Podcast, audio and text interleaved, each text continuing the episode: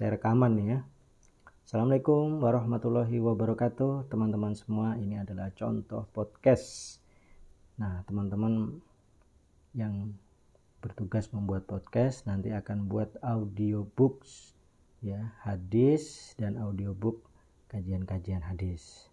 Mungkin uh, itu saja ya karena ini cuma contoh maka uh, sampai sini saja.